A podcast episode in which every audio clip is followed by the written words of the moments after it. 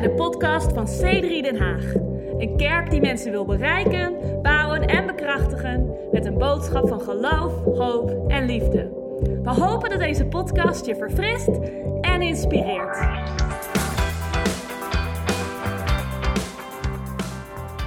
Genesis 12, uh, vers 1 tot 4.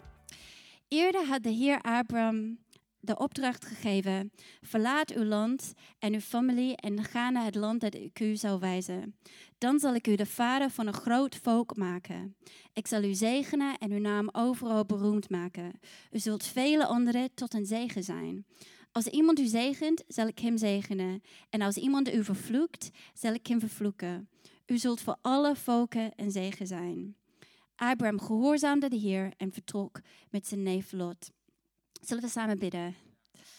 Vader God, ik dank u voor uw woord. Ik dank u uh, dat u nu tot ons spreekt. Uh, ik dank u voor de visie van deze kerk om een pionier te zijn. En ik bid vanochtend dat we zullen horen wat u te tegen ons wil zeggen. Dat we uitgedaagd zullen zijn om uit te stappen en om dat leven te leiden, dat, dat fantastische leven dat u voor ons hebt. Dus uh, we openen nu ons hart en uh, we bidden dat u tot ons zal spreken in Jezus' naam. Amen. Zo, uh, als we het hebben over pionieren, zoals de meesten van jullie weten, ik kom uit Nieuw-Zeeland. En in Nieuw-Zeeland, dat is een land waar, uh, ja, het was niet zo heel lang geleden dat de pioniers kwamen, maar enkele generaties terug. Dus uh, ik ben in de unieke positie, of in ieder geval in Nederland is het een unieke positie, dat ik nog van die pionierverhalen uh, ken. Ook een beetje van mijn familie. Ik kom oorspronkelijk uit Schotland en, en een beetje Engels, een beetje Iers klein beetje Duits, maar meestal Schotland. Eigenlijk, mijn vader was Andrew Cowie. En zijn vader was Andrew Cowie. En zijn vader was Andrew Cowie. En zijn vader was Andrew Cowie. En toen had mijn, mijn vader drie dochters. En dat was, dat was het einde. maar ik dacht, ik deel een heel kort verhaal van mijn overgrootopa. Gewoon omdat het leuk is. Hij was niet Andrew Cowie, maar Andrew McIntosh. En hij was uh, de allereerste politieman in een klein dorp in Nieuw-Zeeland dat heet Fairley. En ik heb een beetje moeite met dat woord dorp. Want als je zegt dorp, dan, dan denk je natuurlijk aan een Nederlandse dorp. Maar dit was echt geen Nederlands dorp. Dit was een soort settler community in de bergen in het zuidelijke eiland van Nieuw-Zeeland. Dus uh, ik, heb, uh, ik heb een oldschool foto voor je opgezocht. Dit is, dit is Philly in de jaren 1930. Misschien toen mijn uh, opa, waarschijnlijk net na zijn tijd, denk ik. En als je denkt, hey, daar is er niet veel. Ik kan je vertellen, er is niet heel veel veranderd. Toen ik deze foto opzocht, zag ik uh, een, uh, een website. Weet je, everything to see and do in Philly. En ik moest lachen, want ik dacht, ja, daar is niks om te zien, niks om te doen. Het enige wat er is in Philly is dit. En hier nemen de toeristen uh, foto's van natuurlijk. En toen ik een kind was, zei ik, mam, waarom zijn die mensen foto's aan het maken van de bergen? Want ik vond dit echt super normaal. Dus dit is, maar nu, nu waardeer ik het enorm na een paar jaar in Nederland. Weet je wel, dit, nog een paar bochten verder en dan kom je in het community van, uh, van Fairley. En uh, hij heeft, uh, mijn overgrootopa heeft dus een huis gebouwd, even iets verderop, waar er wel echt iets prachtigs, nog prachtige natuur is dan dit, een meer midden in de bergen. En uh, ja, dus hij was een beetje een pionier daar in de community. En uh, het verhaal waar we de meest trots op zijn, is dat er was uh, ooit, um, er kwam een bericht uit Mount Aoraki. Dus dat is nog verder, de hoogste berg in Nieuw-Zeeland. 3700 meter, zoiets. Er kwam bericht dat er een, een moord was geweest. Dus mijn overgrootopa, hij hoorde dat bericht. En het verhaal is dat hij stopte op zijn paard. En het is ongeveer een uur rijden met de auto van Fairley naar Mount Cook, weet je wel, op 100k. Dus hij ging met paard de hele rit, heeft het helemaal op zijn paard afgelegd. Hij kwam aan bij de berg en hij heeft het gesprek gevoerd met iedereen. En hij kwam erachter wie het gedaan heeft en die heeft hij gepakt. Dus daar waren we heel trots op. Uh, als, als familie. maar weet je, pionieren, we horen soms deze verhalen en uh, het klinkt allemaal zo, ja, zo groot. En weet je wel, van die, dat soort pionierend verhalen heb je niet zoveel meer. Maar pionieren is eigenlijk niks meer dan een houding. En ik zie nog steeds, als ik terug ben in Nieuw-Zeeland, je, je proeft een beetje dat het pionierend geest, dat was niet zo heel lang geleden. In, in een beetje de open mind, de creatief nadenken, open voor iets nieuws doen, iets anders proberen.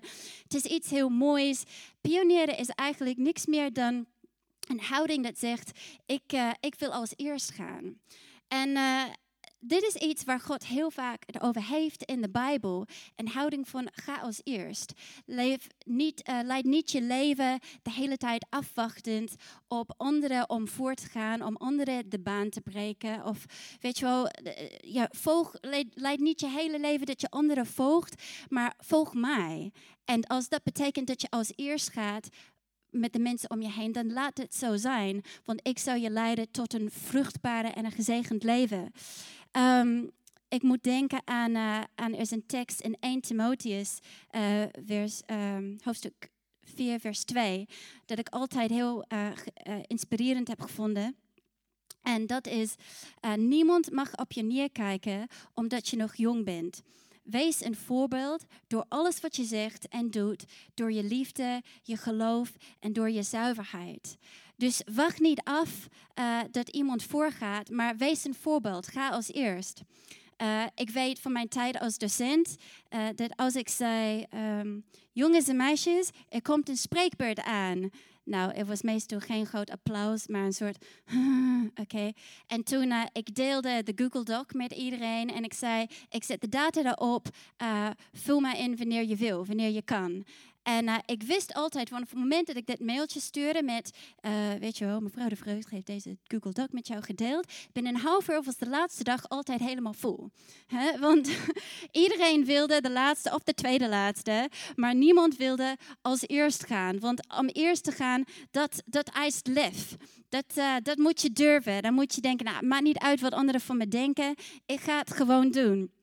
En hier zien we in de Bijbel dat, uh, dat uh, God ons aanmoedigt om eerst te gaan.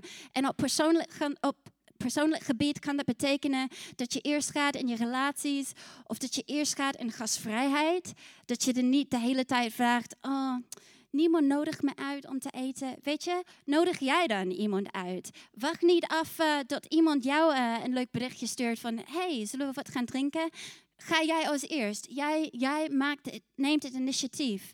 Uh, als eerst een vrijgevigheid. Als je uit eten gaat, niet afwachten van wie gaat betalen. Nee, weet je, laat mij betalen. Ik wil, ik wil geven. Het is mijn beurt, het is mijn treat. Uh, als eerste in je huwelijk. Oh, daar zou ik heel lang over kunnen praten, maar ik ga je besparen vandaag. Nee, maar wacht niet op je, op je lieve man om, uh, om alles zo netjes te doen voordat jij lief, liefdevol en respectvol terug doet. Nee, ga als eerst in de tonen van respect. Ga als eerst in de liefde doen en lieve daden doen.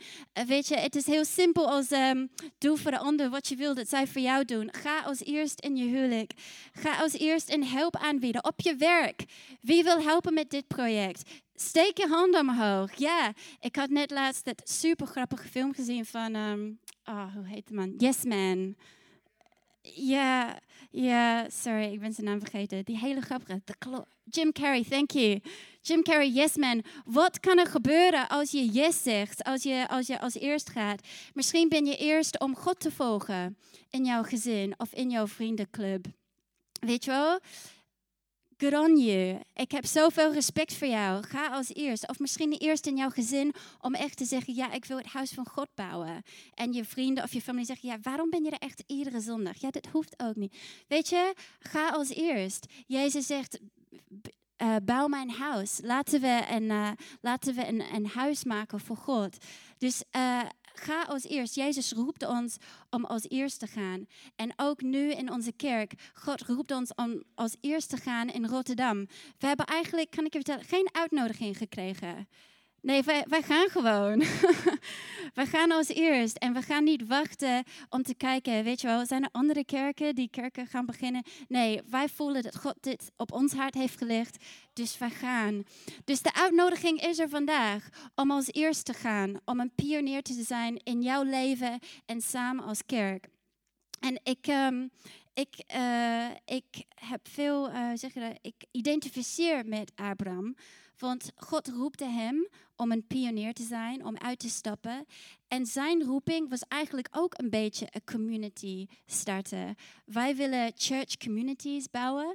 En hij zou ook een community bouwen. Het begon met zijn gezin. En dat werd groter en groter, totdat weer een community werd. En dan nog stammen, twaalf stammen. En daarna nog een heel land vol communities. Wie weet wat er nog gaat gebeuren met onze kerk, weet je wel. Maar hij moest, uh, hij, de visie van God voor hem was om communities te starten. En dat willen wij ook doen. En ik wil daar heel kort even uh, wat meer over zeggen. En wat we bedoelen met uh, Pioneer Church Communities. Weet je wat ons bindt samen? Er zitten hier mensen van allerlei verschillende achtergronden en leeftijden en opleidingsniveau en van alles. Uh, wat ons bindt, de reden waarom wij hier zijn, is vanwege Jezus. En uh, ik zeg echt schaamteloos, ik ben een grote Jezus-fan. Dat zeg ik ook heel vaak als ik aan het praten ben met mensen die niet geloven of die andere dingen geloven. Weet je wel, vaak heb je het over allerlei verschillende uh, onderwerpen. En soms heb ik goede antwoorden en soms zeggen ze dingen en denk ja, hoe moet ik daar nou op reageren? Maar waar ik altijd steeds op terugkom is uit alle religies waar ik enorm fan van ben, is Jezus. Als je echt leest wie Jezus was en wat hij zei, hij was gewoon de coolest man ter wereld. Nog steeds. maar Jezus was zo bijzonder en daar zou ik ook uren over kunnen praten. Maar kan ik je aanmoedigen als jij hier zit en misschien ben je nog helemaal geen christen, je bent er gewoon, weet je wel, om te kijken pak even een Bijbel en lees even wie Jezus was, wat hij zei en wat hij deed. En ik weet zeker dat, je, dat het, het gaat tot je spreken. Want er, was, er is iets met Jezus dat gewoon een beetje onver... Het is alleen maar te verklaren als je herkent dat hij echt de Zoon van God was. Dus Jezus is wat ons samenbindt. En Jezus is gewoon een soort openbaring die, die je ooit in je leven moet krijgen van wie Jezus is. Maar, um, maar als je Jezus echt wil volgen, gaat het een stap verder. Weet je wel, hij vraagt ons om niet alleen maar toegewijd uh, te zijn aan Hem, maar ook om toegewijd te zijn aan elkaar. En church is eigenlijk niks meer, of kerk is niks meer dan een groep gelovigen die samen Jezus volgen. Die samen, we zijn toegewijd aan God, we zijn toegewijd aan elkaar en we zijn toegewijd aan de visie om onze wereld te bereiken. En dat toegewijd aan elkaar, dat is eigenlijk net zo'n belangrijk openbaring dat moet komen in je leven als dat toegewijd aan Christus. Weet je, je hebt het moment in je leven dat je denkt, ja, yeah, Jesus, he's the one. Maar er moet ook een moment komen wanneer je ogen open gaan en denkt, hé, hey, het is niet alleen maar Jezus, maar het is ook zijn kerk. Het is ook samen doen. En uh, ik wil gewoon, als jij, dit is een leuke, leuke studie, als je nog een Bijbelstudie zoekt, ga even naar zo'n leuke Bijbel-website, uh, zoals Bijbel.com, en zoek je favoriete vertaling. En dan tik, de woorden in elkaar. En dan kijk hoeveel uh, teksten er komen. En ik heb gewoon een kleine, ik heb maar bij vier gehouden, maar ik had gewoon 16 kunnen hebben. Hier gaan we Hebreeën 10, 24. Laten we op elkaar letten en elkaar aansporen. God en mensen lief te hebben en altijd goed te doen. Romeinen 12, 10. Hou veel van elkaar als broeders en zusters en laat elkaar uw waardering blijken. Efezes 4:2. Wees nederig en vriendelijk. Heb geduld met elkaar en verdraag elkaar vol liefde. En Johannes 3:18. Vrienden, we moeten ophouden te zeggen dat we van elkaar houden. We moeten echt van elkaar houden en uit onze daden laten blijken. Weet je, de Bijbel zit vol met, met de opdracht en de visie dat wij niet alleen maar Jezus volgen, maar dat wij van elkaar houden en dat we toegewijd zijn aan elkaar. Weet je, in onze wereld, wij willen zoveel mensen uh, worstelen eigenlijk met het gevoel van, van eenzaamheid. En dit is iets heel bijzonders wat we hier hebben.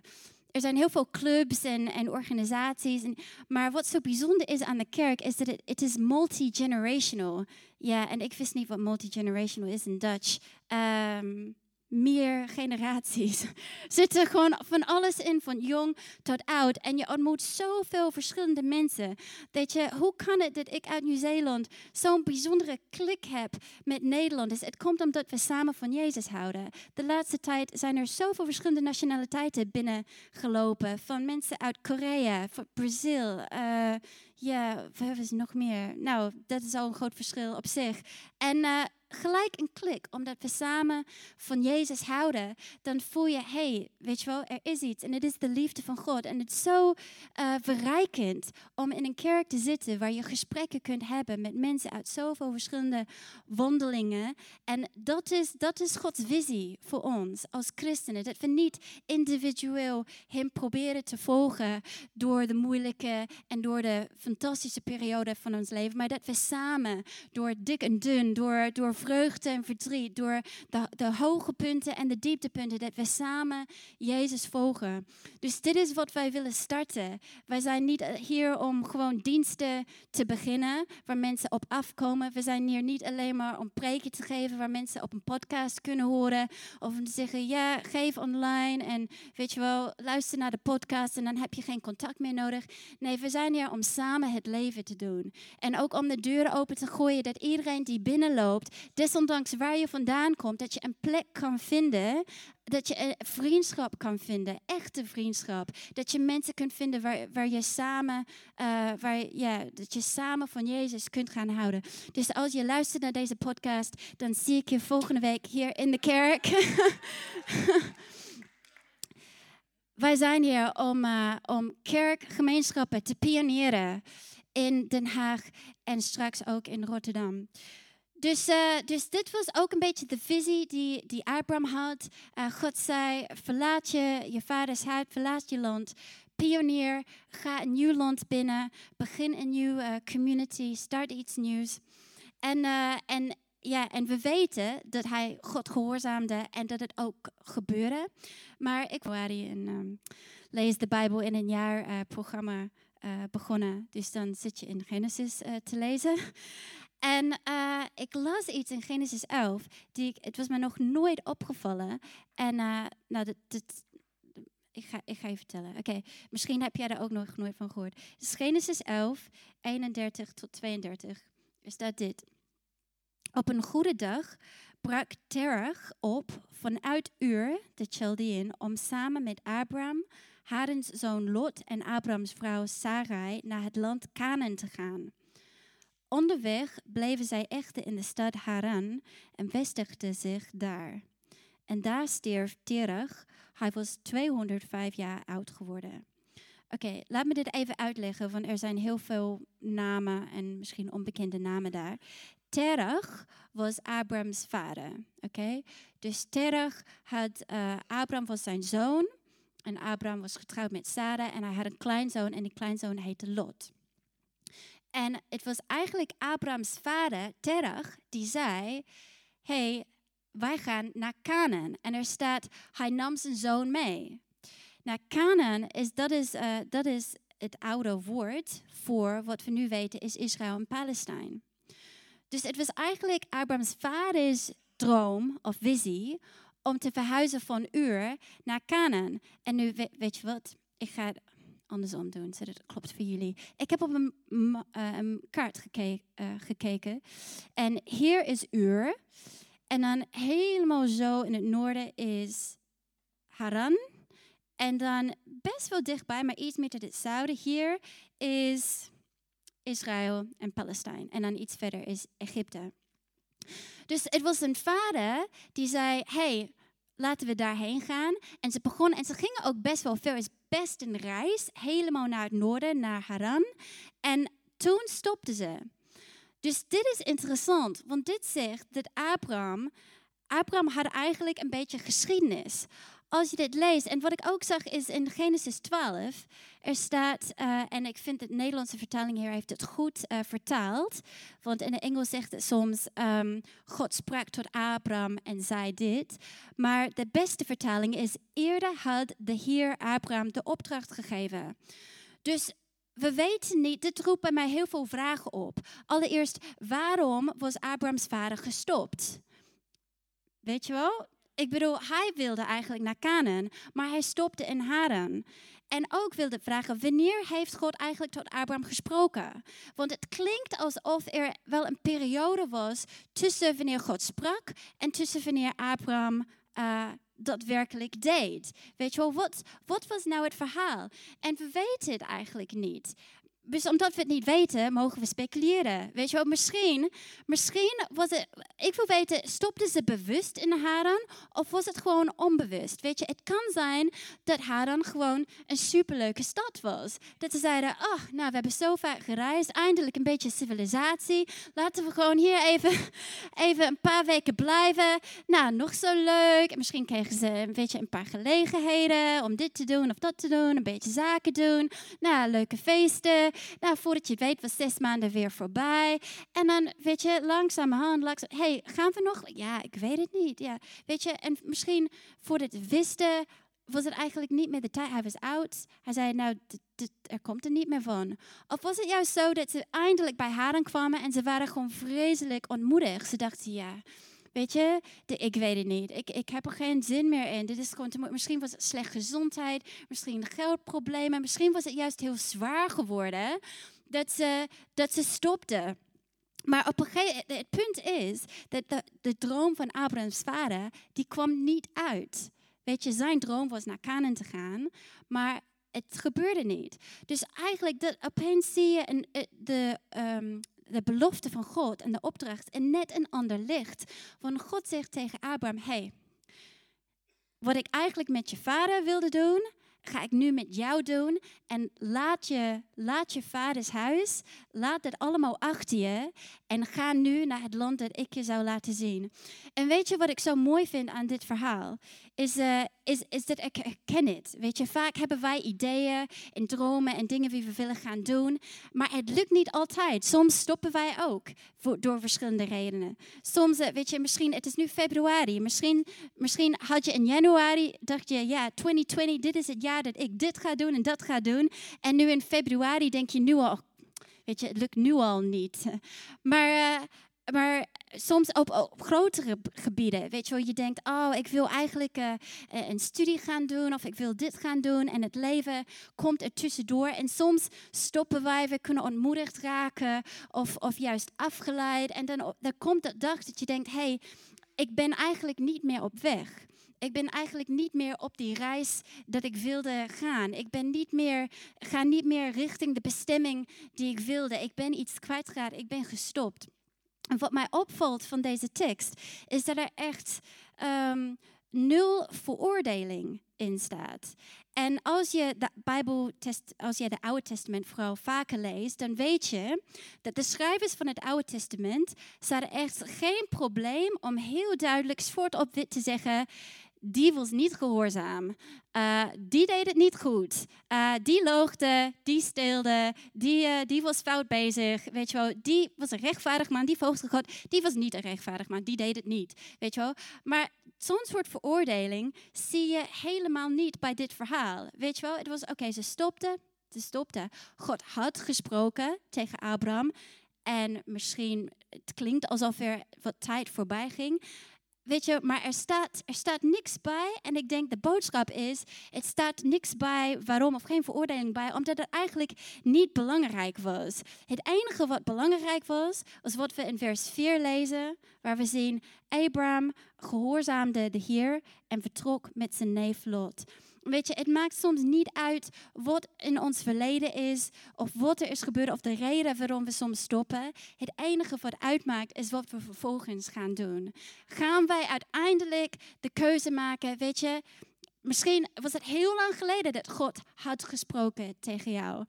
Maar als je nu de keuze maakt, je krijgt vandaag een nieuwe kans, een nieuwe start. En God is er altijd een tweede kans om de nieuwe keuze te maken en zeggen gewoon, weet je, misschien heb ik het niet altijd gedaan, maar nu, vandaag, ik ga God gehoorzamen. Ik ga die stap maken. Ik ga opnieuw beginnen. Weet je, heel vaak voelen we ons niet als grote pioniers. Misschien denk je, wow, church planting, no. Weet je, maar dat, dat hoeft niet. Je hoeft niet uh, altijd geweldig te voelen. Het gaat om het steppen en het nemen van die kleine volgende stap. Uh, een grote reis is altijd, het begint altijd met een kleine stap. Dus de vraag is, wat is die kleine volgende stap voor jou? Weet je, God zegt, met alles wat je hebt meegemaakt, uh, Laat het gewoon achter je. Break met het verleden. Laat het verleden niet uh, bepalen wat, je, wat jij vandaag gaat doen. Laat het verleden niet bepalen hoe jouw toekomst eruit gaat zien. Wat je hebt meegemaakt, dat gaat jou niet definiëren. Wat jou gaat definiëren is het woord van God en de visie dat Hij heeft voor jouw leven. Ja, je mag best applaus geven hoor. That's good news. Dus de vraag is, wat is de, wat is de volgende stap? Weet je, vandaag uh, nodigt God ons uit als een kerk om een nieuwe stap te zetten. Misschien kan de band naar voren komen. God nodigt ons uit om een nieuwe stap te zetten als kerk, om iets nieuws te beginnen. Misschien op, op kerkniveau denk je, ja, weet je, het is tijd eigenlijk dat ik zeg vandaag, ik heb ooit in mijn leven een toewijding gemaakt aan God, maar vandaag maak ik een toewijding naar zijn kerk. Vandaag maak ik een toewijding om zijn huis te bouwen. Weet je, ik ga er zijn. Ik ga toegewijd zijn aan elkaar. Het kan zijn dat jij denkt, hey, deze visie om communities te starten, dat spreekt mij erg aan ik wil daar betrokken bij zijn. Dus jij kunt ook helpen met het beginnen van, van de dinnerparties, uh, of hier of in Rotterdam. En misschien hebben we ook nog die slide uh, die we vorige week hebben laten zien. We hebben het vorige week gedaan, maar ik dacht, uh, ik geef je gewoon nog een kans als, als jij dit voor het eerst hoort. Maar wij, wij zoeken mensen. De, de, de uitnodiging is er om betrokken te raken. Om te zeggen, ja, ik wil ook meehelpen om dit te bereiken. Dus als je deze QR-code um, gebruikt, dat gaat naar een link naar onze website. Waar je kunt aangeven uh, wat, je, wat je wil doen, hoe je betrokken wil zijn. En er zijn allerlei manieren, van bijvoorbeeld met dinnerparties. Je hoeft niet um, uh, alles zelf te gaan doen. Je kunt zeggen, hey, ik hou heel veel van koken, dus ik help graag daarin mee. Of misschien zeggen, jij, ik heb een huis, ik stel mijn huis graag beschikbaar. Ik weet je, koken weet ik niet, maar je mag mijn huis gebruiken. Of misschien zeggen, ja, ik kan helemaal niet koken, maar ik vind het leuk om, uh, om gesprekken te leiden en om te praten, mensen uitnodigen. Weet je, op allerlei verschillende manieren wat bij jou past, kun je betrokken raken bij het starten van nieuwe dinnerparties in Den Haag en ook in Rotterdam maar misschien ook op persoonlijk gebied, dan weet je dat God jou vraagt om weer even een stap te zetten. Ik wil je bemoedigen dat alles mogelijk is met God. Wij dienen een God van de tweede kans. Wij dienen een God die onze kleine stappen neemt en Hij stuurt ons de kant op die we moeten gaan. Dus uh, laten we samen in 2020 een pionierende kerk zijn. Pionierende mensen die als eerst gaan in de dingen die God ons laat zien. Bedankt voor het luisteren naar deze podcast. Wil je er op zondagochtend ook een keer bij zijn? Je bent van harte welkom. Ga voor meer informatie naar c3denhaag.nl